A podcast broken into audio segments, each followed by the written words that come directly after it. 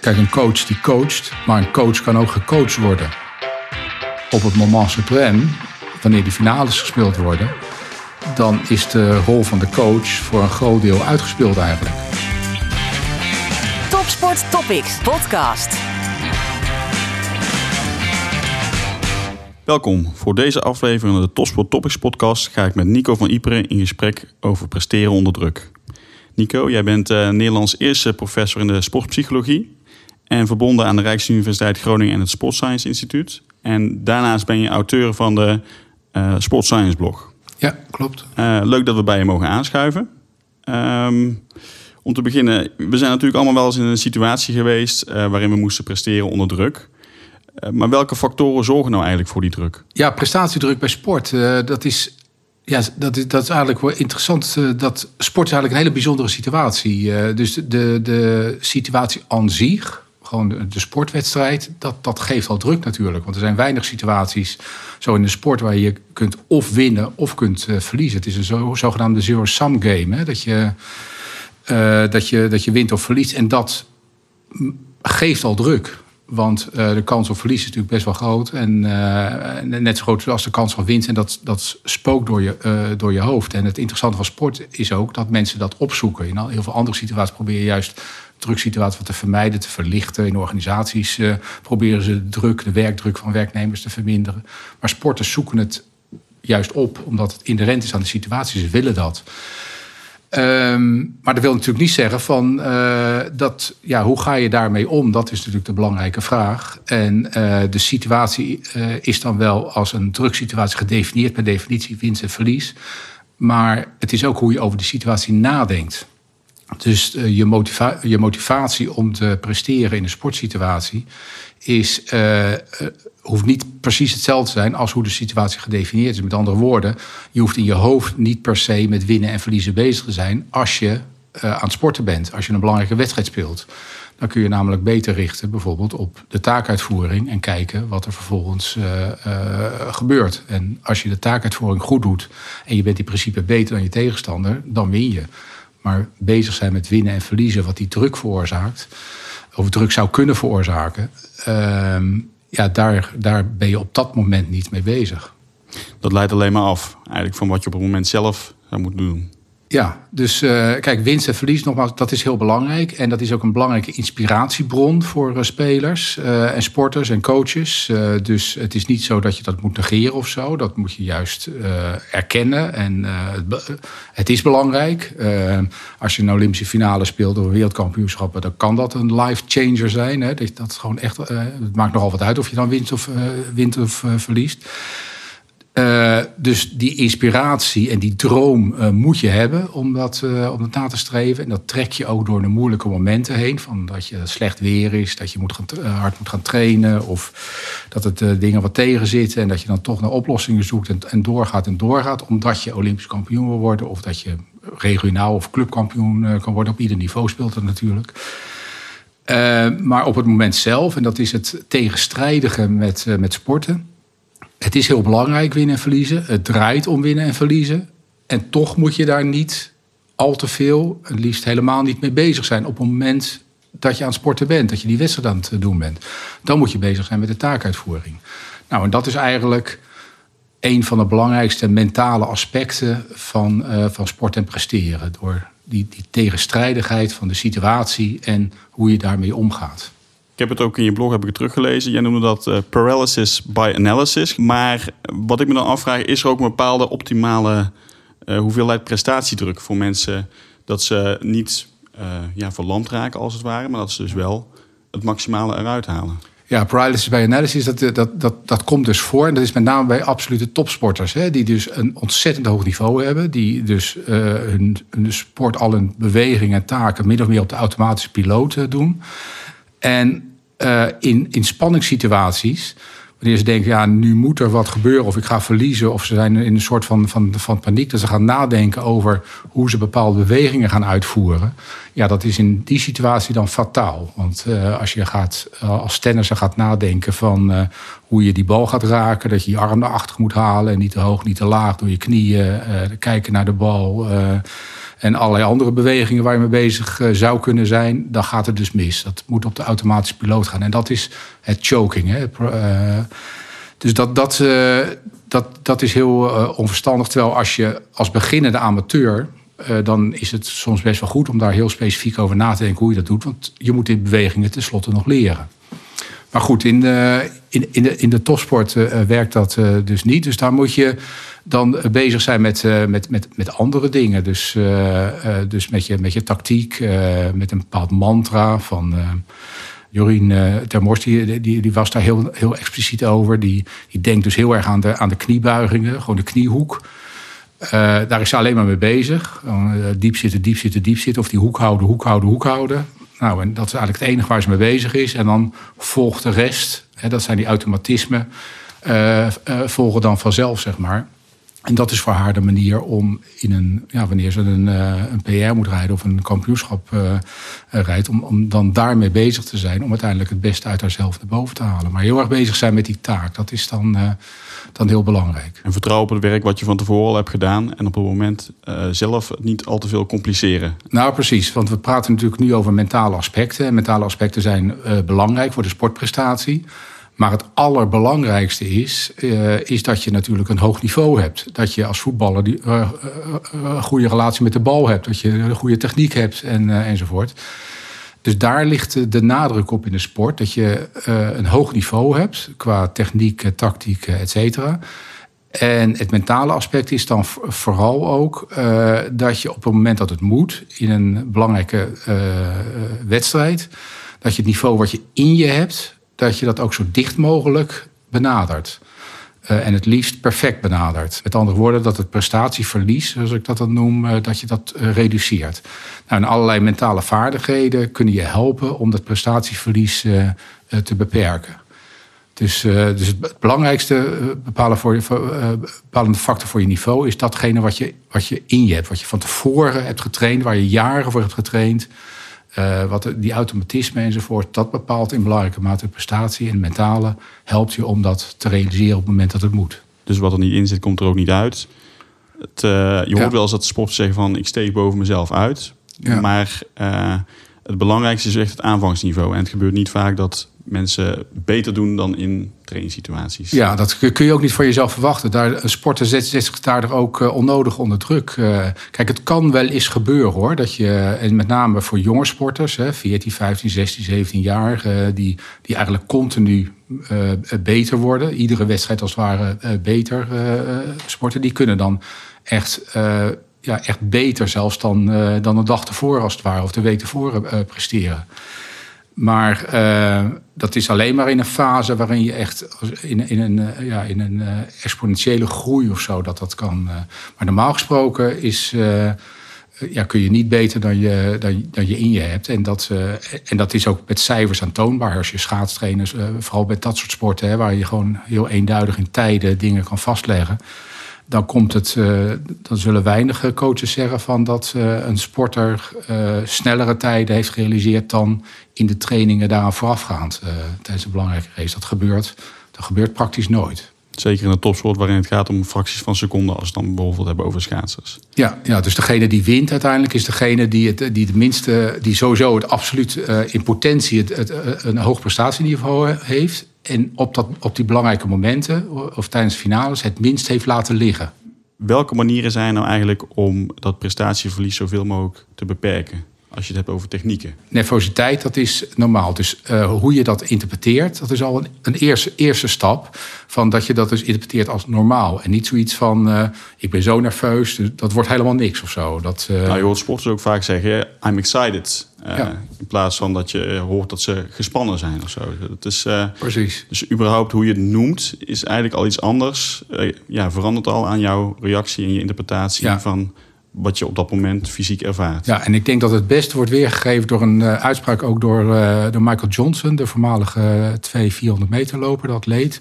Die zei ooit van uh, pressure is nothing more than the shadow of great opportunity. En om je dat te realiseren, als je een belangrijke wedstrijd speelt, uh, moet spelen, gaat spelen, finale. Dan ben je dus al in staat geweest om je in die situatie te manoeuvreren dat je dat mag doen. Dus die droom uh, die je uh, nastreeft, na hebt gestreefd, die, die komt ook dichtbij. En dat is op zich al heel mooi. En dat je daar nerveus over bent of dat het allemaal goed gaat, dat, dat is dus heel normaal. En dan, dus die interpretatie is al belangrijk. En dan zijn er een aantal dingen die je kunt doen kijk, enige eh, fysieke spanning die je voelt is, is ook goed.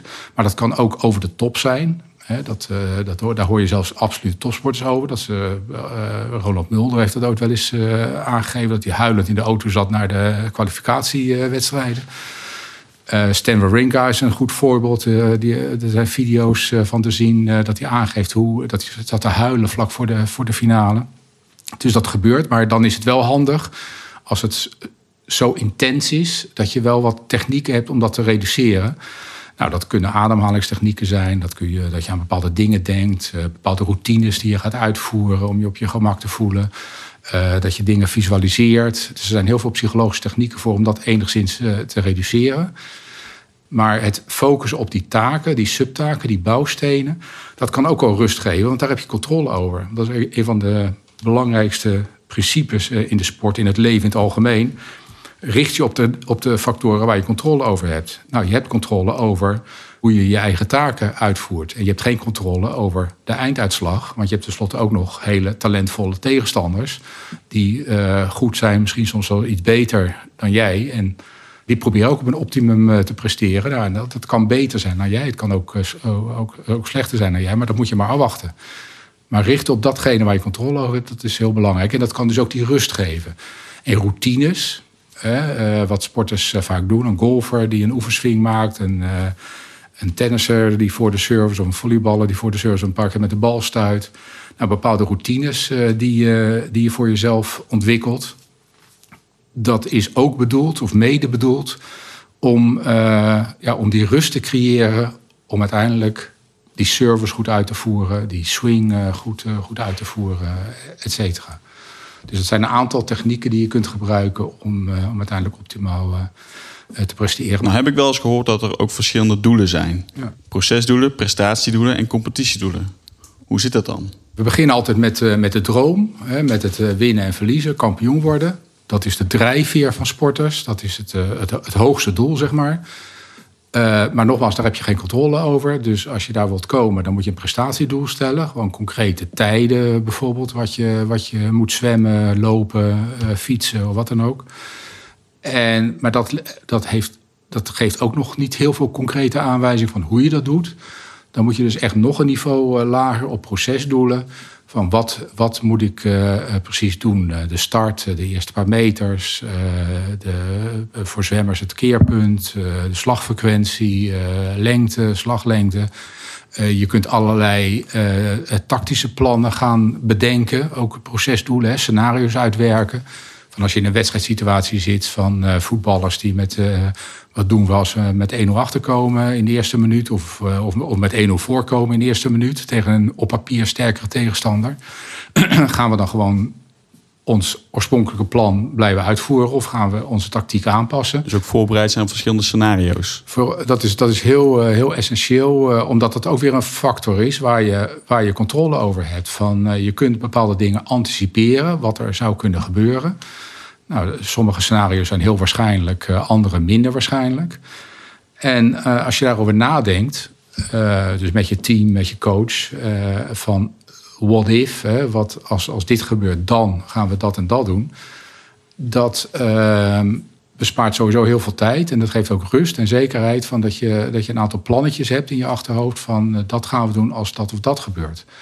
En dat is heel belangrijk, omdat een wedstrijdsituatie is dus spannend. Uh, en als het spannend is en als je wat nerveus bent en uh, er staat veel op het spel, dan dat, dat heeft geen positief effect op je denkvermogen, zou ik maar zeggen. En de kans op een domme beslissing is kleiner als je een aantal scenario's van tevoren goed hebt voorbereid. Want dan weet je ook voor de communicatie naar je medespelers, of de coach naar de spelers, of, uh, of vice versa, dat je kunt aangeven van, nou, we gaan dit doen. Heel veel van die technieken zijn er ook op gericht op het, het, schakelen eh, te trainen eigenlijk. Van hey, er gebeuren dingen die we misschien niet verwacht hebben. Of die we juist wel op een bepaalde manier willen uitvoeren.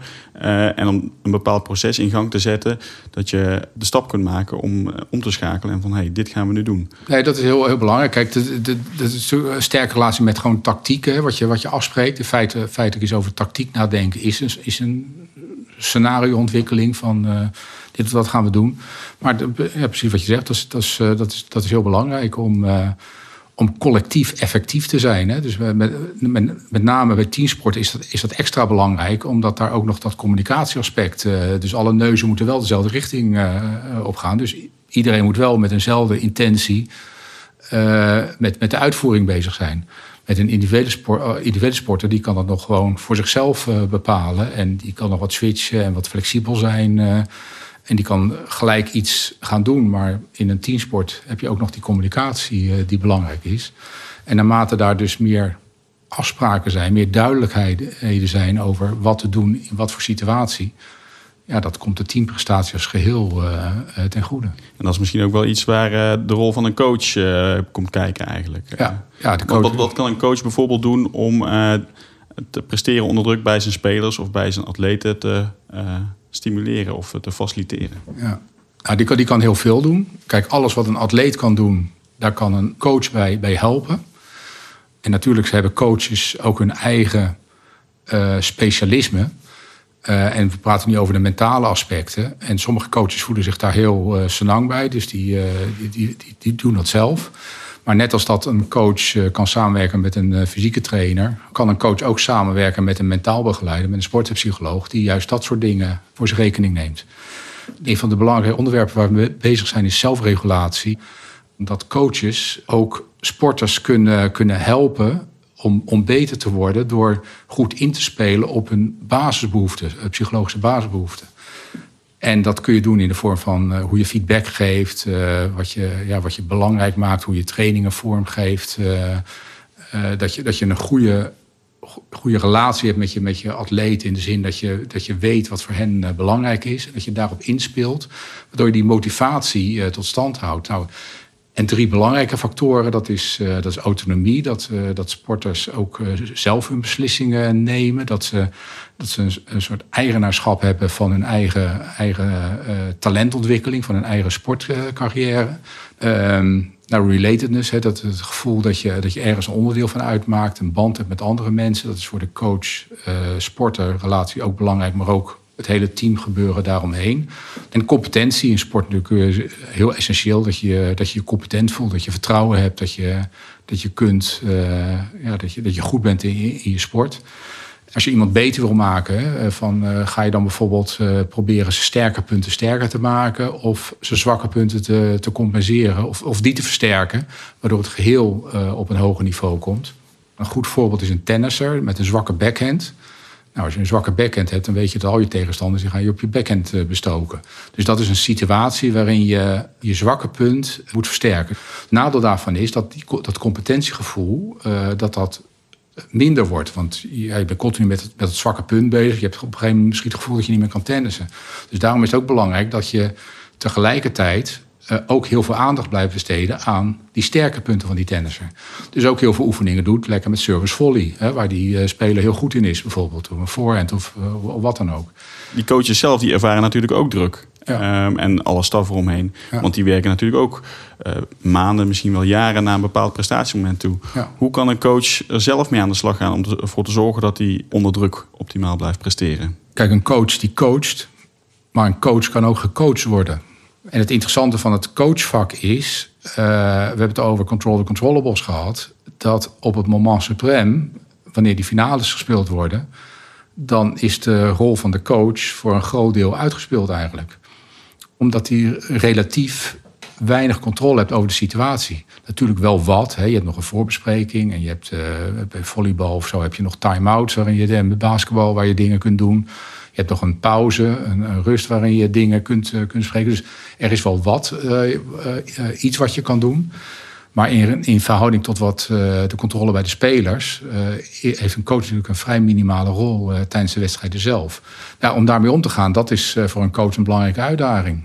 Ja, dat is ook wel interessant. Want uh, kijk, die sporters, daar heel veel technieken zijn erop gericht van... oké, focus, blijf in het moment. Mhm. Terwijl juist van een coach wordt ook vaak wat uitzoomen wordt gevraagd. Een soort van bepaalde helikopterblik. Ja. Uh, wat je eigenlijk juist bij die spelers of bij die sporters zelf liever niet wilt. Dat ze gewoon in het moment zitten en niet te bewust ermee bezig zijn. Ja, ja nee, dat, eh, dat, dat kan. En, uh, en ik denk dat, uh, we hebben het al over de scenarioontwikkeling gehad, dat, dat daar bijvoorbeeld ook een hele belangrijke rol voor de coach uh, weggelegd is. En ook voor, voor zijn eigen controle, of voor haar, haar eigen controle, zeg maar. Van je, je, hebt nog, je kunt nog relatief veel invloed hebben op het hele spelverloop. Als je dus van tevoren al die scenario's hebt. En als spelers een beetje een hoofd verliezen. Dat je kunt zeggen tijdens een time-out of tijdens een rust. Of, uh, of uh, tijdens het spel via een, een, captain bijvoorbeeld. Dat je, dat je kunt aangeven van nou we gaan nu dit of dat doen.